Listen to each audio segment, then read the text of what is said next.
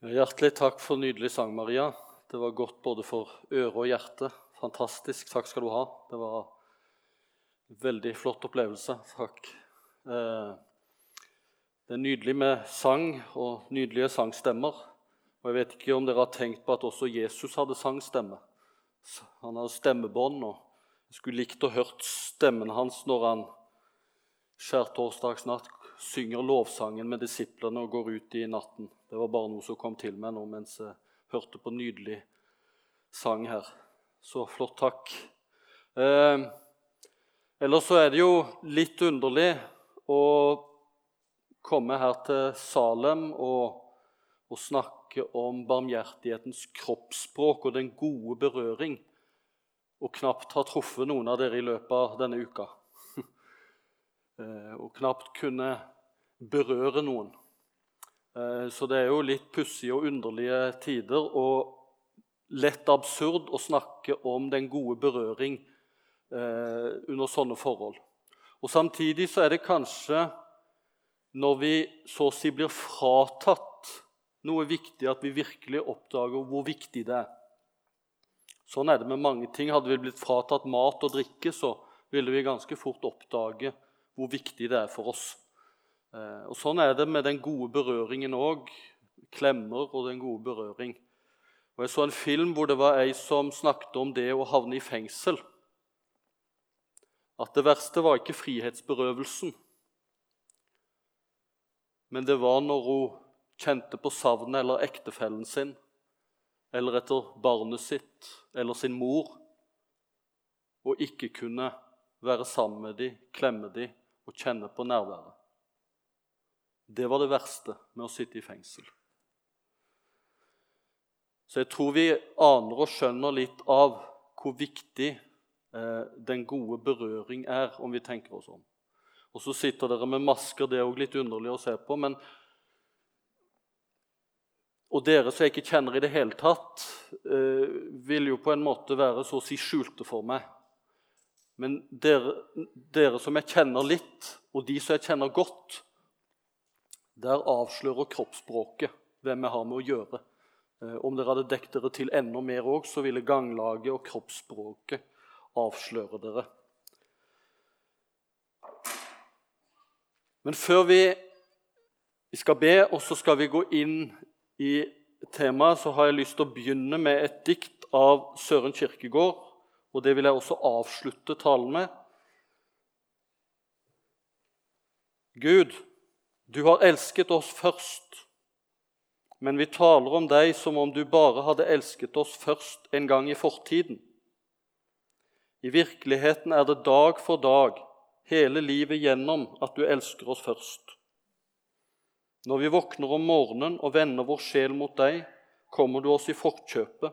Du har elsket oss først. Dersom jeg står opp før daggry og i samme øyeblikk vender min sjel i bønn til deg, da er du allerede der. Du har elsket meg først. Når jeg legger bak meg alt som forstyrrer, og søker inn i sjelen for å tenke på deg, da er du stadig den første. Forlat oss, Gud, vår utakknemlighet. Det er ikke bare én gang at du elsker oss først. Det er i hvert eneste av livets øyeblikk. Jeg takk, Herre Jesus for din barmhjertighet og at du har elsket oss først og i hvert øyeblikk, og også i dette øyeblikk og i denne stund. Jeg ber om din gode og barmhjertige berøring denne formiddagsstund. Amen.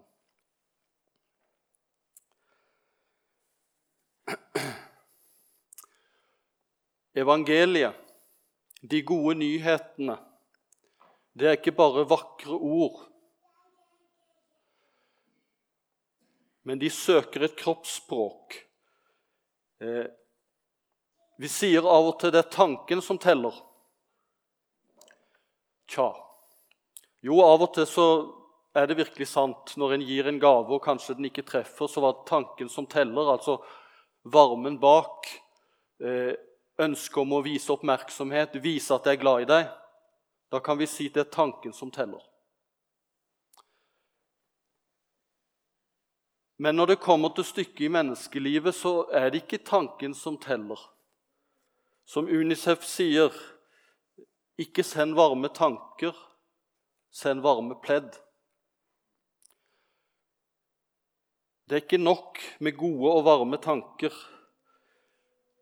Og Guds kjærlighet og kristen nestekjærlighet er ikke som en avstandsforelskelse. Det er snarere nærværskjærlighet. Jesus elsket ikke på avstand. Han steg ned og steg inn i vår virkelighet, inn i våre nabolag, kom nærme mennesker, berørte spedalske, blinde og døve, reiste opp de som lå nede, elsket like til det å gi seg i døden for oss. Vi kan ikke elske bare med ord. Eh, vi kan ikke vise barmhjertighet bare med VIPS eller med brev eller på Messenger. Vi må reise oss opp og gå på våre ben til naboen, til de som trenger oss, og kanskje også sette oss på et fly med de gode nyhetene for å reise til Japan eller Sør-Amerika eller hvor det måtte være, for å vise vår barmhjertighet både med ord og med vårt kroppsspråk, som ikke bare understreker barmhjertigheten, men òg viser barmhjertighet med hender. Vi trenger øyne som ser, hjerter som banker i medfølelse, og hender som ser og hjelper. Og Det som har vært hovedordet denne uka fra 1. Johannesbrev 3, som jeg har hatt både når jeg har snakket inni en, en skjerm og snakket i samtale med staben her på huset, og i går med ungdommene, så skriver Johannes sånn i vers 17 og 18. Men den som har jordisk gods og ser sin bror lide nød, og likevel lukker sitt hjerte for ham, hvordan kan kjærligheten til Gud bli værende i ham? Mine barn, la oss ikke elske med ord eller med tunge, men i gjerning og sannhet. Det er ganske malende og tydelig for Johannes at det er ikke bare tanken som teller. Vi trenger ikke bare varme tanker og gode ord og oppmuntrende ord, selv om det er viktig.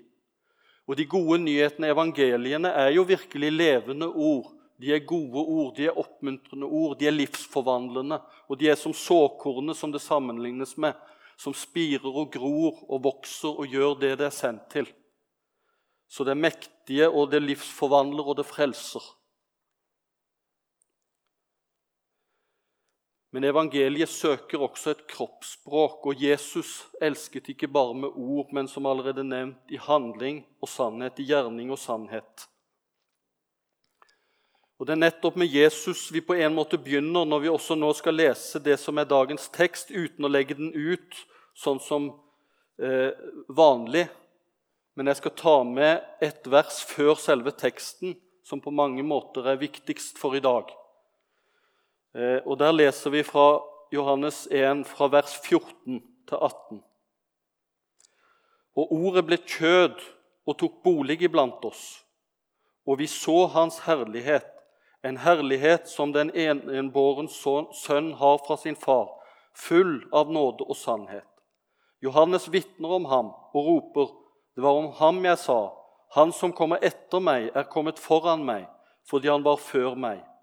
For av Hans fylde har vi alle fått, og det er nåde over nåde. For loven ble gitt ved Moses, nåden og sannheten kom ved Jesus Kristus. Ingen har noensinne sett Gud, den enbårne sønn som er i Faderens favn. Han har forklart ham. Guds kroppsspråk er Jesus. Guds barmhjertige kroppsspråk er Jesus. Han er den virkelig gode berøring som han har berørt sitt skaperverk med.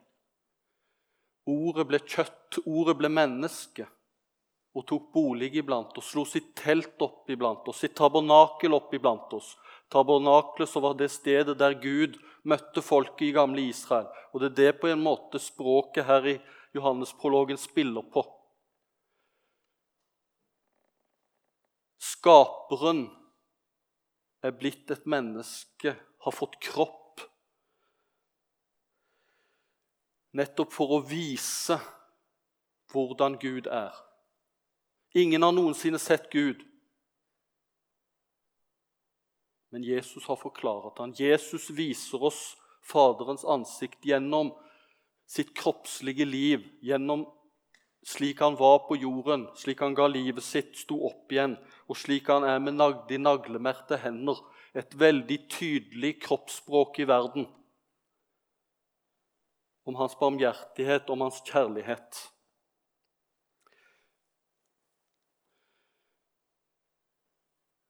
Ordet ble kjøtt og tok bolig iblant oss. Det er hentet ifra nettopp fra andre Mosebok. Og vi hørte i leseteksten også fra kapittel 3 ved tornebuskopplevelsen der Gud møter Moses i tornebusken. Og Moses blir redd, for han er redd for å se Guds ansikt.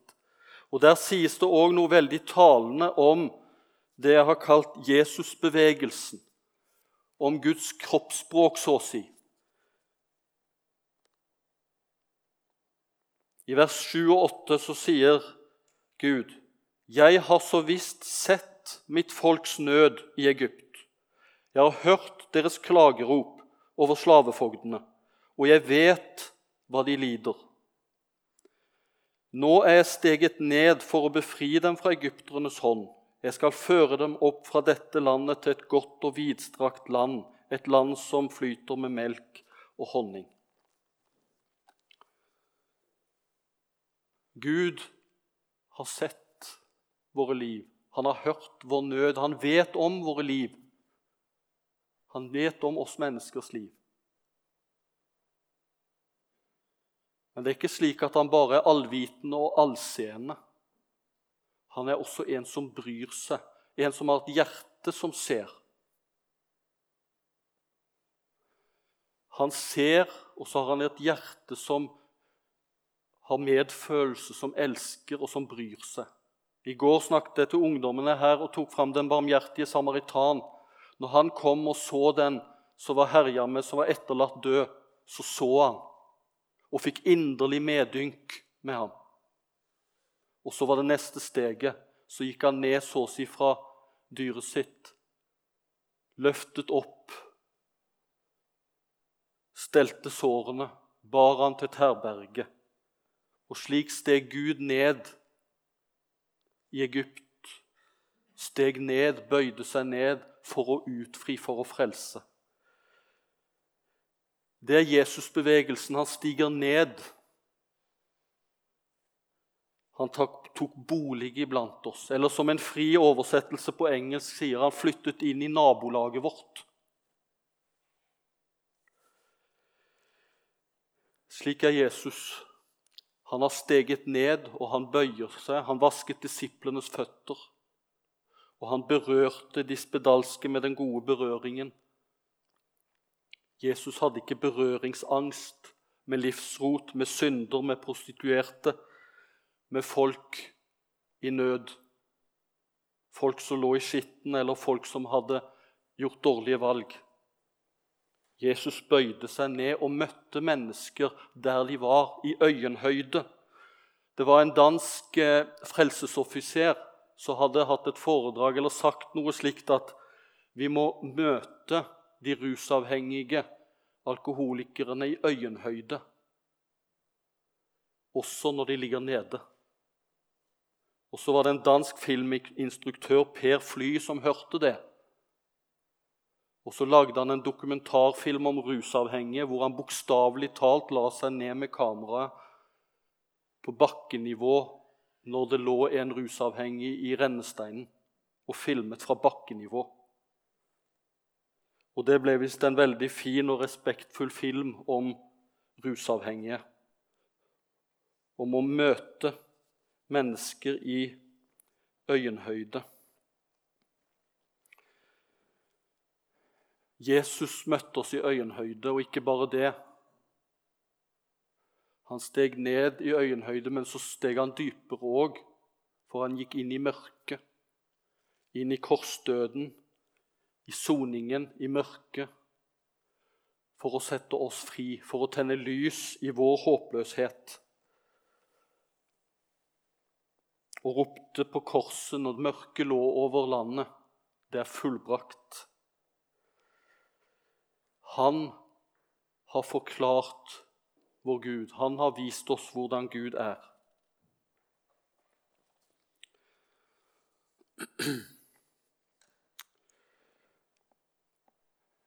Jesus vågde den gode berøring med spedalske, med lik, og han lot seg berøre av den prostituerte som kom inn i Simons fariseerens hus, hun som vasket hans føtter med tårer og med håret, uhørt. Jesus hadde ikke berøringsangst med menneskers liv, med livsrot. Og En har sagt det sånn at når han berørte de spedalske, så var det Gud selv som kjærtegnet sitt skaperverk.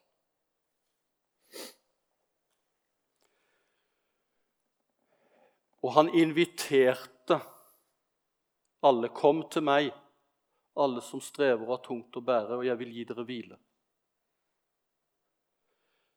Men han lot seg også invitere.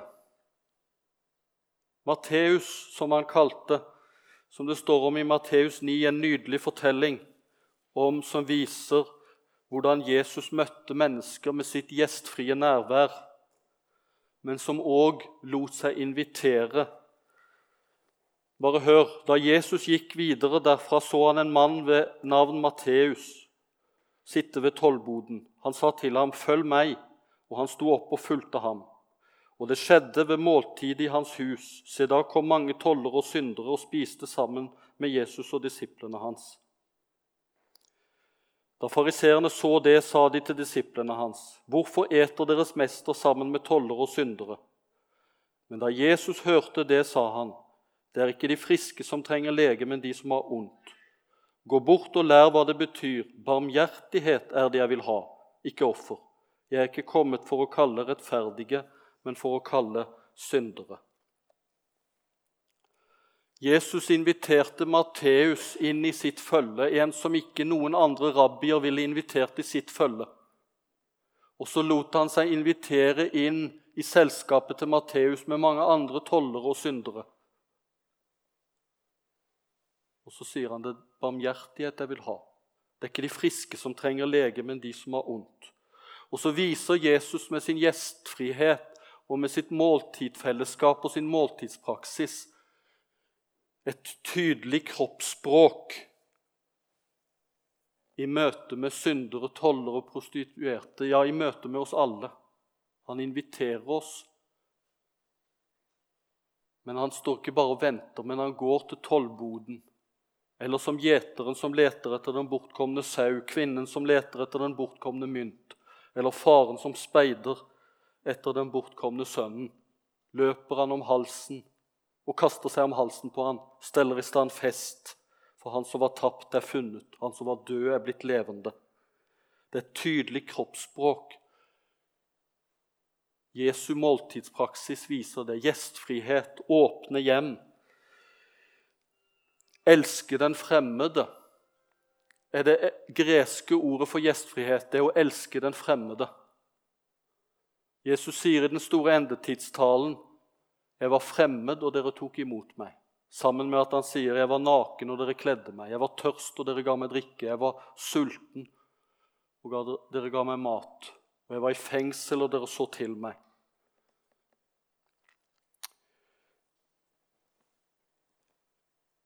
Har vi, har Salem misjonsforsamling, et barmhjertig kroppsspråk. Er vi et gjestfritt fellesskap som inviterer folk inn i våre liv? Eller har vi berøringsangst? Lar vi oss invitere inn i andres liv, eller har vi berøringsangst? La oss være praktiske og konkrete Gjestfriheten, den sier Paulus i Romerne 12, 13 at vi skal legge vind på. Og Hvis en går inn på det ordet 'legg vind på', så betyr visst det å jage etter. Jakte etter. Eh, så det er på en måte et veldig sterkt uttrykk. Og Origenes, en av de gamle kirkefedrene, han sier i forbindelse med dette ordet, som var tankevekkende for min del Ved å si at gjestfriheten skal forfølges, viser Paulus at vi ikke bare skal motta den fremmede som kommer til oss. Vi skal i virkeligheten søke etter, lete etter fremmede, jakte på den overalt for at de ikke skal bli sittende et eller annet sted på gatene eller ligge uten tak over hodet. Der ser vi gjeteren, kvinnen og faren som speider, aktivt ute og leter. Det barmhjertige kroppsspråket venter ikke bare, men er ute. Åpner hjemmet f.eks for fosterhjem. Chris Candia, en kristen forkynner og teolog som også har vært taler på UL for mange år siden, har startet en bevegelse som heter Home for Good, som sørger for at flest mulig kristne skal stille seg inn igjen åpne som fosterhjem for barn som er utslått og i nød, som er foreldreløse. Etter forbilde fra Gud som er enker og farløses Gud. Og Jakob sier at en usmittet eh, gudsdyrkelse er å ta seg av farløse og enker og holde seg uplettet av denne verden. Vi har selv fått privilegiet og gleden av å være fosterhjem og er besøkshjem nå. Det gir mye, men det krever noe òg. Det krever involvering. Du risikerer noe når du viser et barmhjertig kroppsspråk. Som den barmhjertige samaritan risikerte noe. Kunne selv falt blant røvere. Det kunne vært et lik, han kunne blitt uren. Jesus risikerte mye, ja, han ga faktisk sitt liv. Den gode gjeter gir sitt liv for sauene. Og Det med fosterhjem det er på en måte bare et eksempel på hvordan et kristent kroppsspråk kan materialisere seg, bli helt konkret. Den gode berøring. Mennesker, ungdommer, unger som trenger trygge, varme elskende voksne som klarer å sette gode grenser, men som òg klarer å gi praktisk hjelp, den gode berøringen som de kanskje aldri har opplevd. Det kan være livsforvandlende. Eh, Carl Erik Salberg, som jobbet eh, som prest i, i, Stockholm, eh, i Sankta Clara-kirken, forteller om en fostergutt, hadde nær sagt Kjell, som var ut og inn i mange institusjoner og fosterhjem men som etter hvert kom til et kristent hjem og ble en kristen. Og Hans vitnesbyrd er en omskrivning av Lina Sandells eh, sang 'Ingen er så trygg i fare', eller 'Tryggere kan ingen vare', som det er på svensk. Og så synger han sånn i et av sine vers og sine vitnesbyrd, som er nydelig. Styggere kan ingen vara enn at Jesus kan dem klara, hjelper dem og gjør dem trygga, aldri mer de da blir stygga. Styggere kan ingen være. Tenk mange mennesker, mange ungdommer, som kjenner på at jeg er for stygg, jeg er ikke god nok, jeg er ikke pen nok. Folk ville ikke ta meg med ildtang hvis de hadde kjent meg. Iallfall ikke de kristne. Og Det å da erfare og bli overrumplet av en Jesus som har et barmhjertig kroppsspråk, den gode berøring, møte kristne som overrumpler med det gode kroppsspråket, og som gjør at de kan kjenne på kroppsspråket og ordene at ingen er så stygge at ikke Jesus tåler det og holder ut med dem. Jesus hadde ikke berøringsangst. Han har ikke berøringsangst med deg. Og han holder ut med deg, og han holder ut med meg. Og Så forteller også denne Karl Erik Sarberg noe om dette med å så si lures ut i dette med det kristne kroppsspråket, så å si. For han, når han begynte i Sankta Clara, så de, skulle de begynne med noe gatearbeid og noe suppekjøkken. Og noe, og så var det en fra Frelsesarmeen der som kom til han, en litt eldre, og han hadde høreapparat og hørte dårlig. Og så kommer han til, eh, til Karl Erik og så sier, kommer med forslag og sier pastoren jeg tykker at vi både skal gå ut på Malmskillingsgatan og, og møte de prostituerede. Jeg svarer så tungt og tydelig jeg kan, bl.a. gjennom kraftige hoderistninger. Det gjør jeg ikke. Jeg har ingen erfarenhet egentlig av sådant arbeid. Jeg har familie å tenke på. Jeg har også hørt at de fleste av de prostituerte er narkomaner, og når de får sin abstinens, så kan de hugge ned sin mormor for å få penger til et nytt knark. De hugger nok meg føre.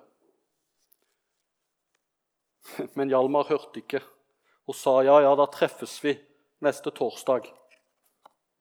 Og så ble Karl Erik hevet ut i noe han ikke var komfortabel med, ikke var forberedt på, ikke trodde han kunne håndtere og kanskje ikke kunne håndtere alene. Men sammen så gikk de og møtte, oss sammen som kristent fellesskap så begynte det et rikt og viktig arbeid hvor flere narkomane, rusavhengige og prostituerte etter hvert hadde fått tent et håpets lys i øynene og hadde merket barmhjertighetens kroppsspråk gjennom dette arbeidet. Og Sånn kunne vi på en måte fortsatt, og jeg tror dere begynner å ane og forstå noe av hva det handler om den gode berøring. Det handler om mer enn varme tanker og vakre ord. Det handler om den gode berøring, som vi alle trenger. Vi trenger alle overrumples av den gode berøring. I våre relasjoner, naboer, men også i det kristne fellesskapet. Det barmhjertige kroppsspråket som ikke bare sier det med ord, men når vi kjenner på tvilen og uroen Kan det virkelig gjelde meg? Dette så sies disse gode ordene om Guds kjærlighet, tilgivelse, soning, frelse. For i hverdagslivet og i livskampene så tror jeg de fleste av oss erfarer at det glipper. At det som vi kanskje trodde vi hadde fått grep om og forstått, av evangeliet. Det glipper for oss. Og det er da vi trenger dette barmhjertige kroppsspråket, den gode berøring fra andre kristne. Også gjennom det budskapet som lyder med stemmebånd og lyder. Men også Guds kroppsspråk i nattværen, i brød og vin, der Jesus sier 'Dette er mitt, min kropp, mitt legeme', som er for dere, som er brutt for dere. Spis dette. Personlig adresse. Du får det i munnen. Dette er Jesu blod som er utøst for deg. Du skal få drikke det, veldig konkret og fysisk. Barmhjertighetens kroppsspråk, den gode berøring, som igjen gjør at håpet tennes, tilliten og troen, gleden og frimodigheten kan tennes. Og så kan vi jo kjenne på at ja, Jesus han hadde et fantastisk vidunderlig kroppsspråk. Men vi svikter. Vi er syndere. Vi svikter ofte på disse områdene.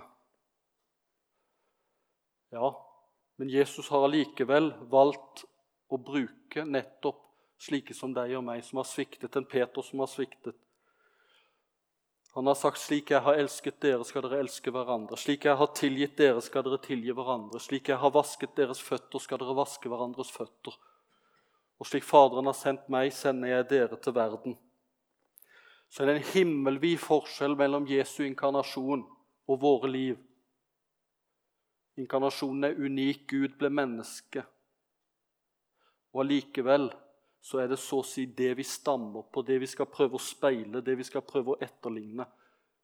Og ikke minst med å fortelle om han, peke på han i verden. Og så er det som en har sagt De som best er skikket til å forkynne evangeliet, er de som virkelig vet at de er uskikket til å forkynne evangeliet. Tenk på det. De som er best skikket til å forkynne evangeliet, er de som virkelig vet at de er uskikket til å forkynne evangeliet. Det er de som har erfart slik som Kjell, at selv om jeg hadde nær sagt opplevd meg stygg, så har jeg møtt en som ikke har berøringsangst, som har tilgitt meg, som har reist meg opp.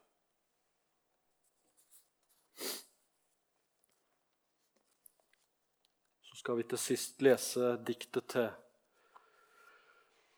Søren Kirkegård. For det handler om at han har elsket oss først. Vi elsker fordi han har elsket først. Gud, du har elsket oss først. Men vi taler om deg som om du bare hadde elsket oss først en gang i fortiden. I virkeligheten er det dag for dag, hele livet igjennom, at du elsker oss først. Når vi våkner om morgenen og vender vår sjel mot deg, kommer du oss i forkjøpet. Du har elsket oss først. Dersom jeg står opp før daggry og i samme øyeblikk vender min sjel i bønn til deg, da er du allerede der. Du har elsket meg først. Når jeg legger bak meg alt som forstyrrer, og søker inn i sjelen for å tenke på deg, da er du stadig den første. Forlat oss, Gud, vår utakknemlighet. Det er ikke bare én gang at du har elsket oss først. Det er i hvert eneste av livets øyeblikk. Takk, Herre Jesus Kristus, du står her foran oss. Du er også bak oss. Du er på vår høyre side. Du er på vår venstre side. Du er over oss, og du er under oss. Du omgir oss på alle sider.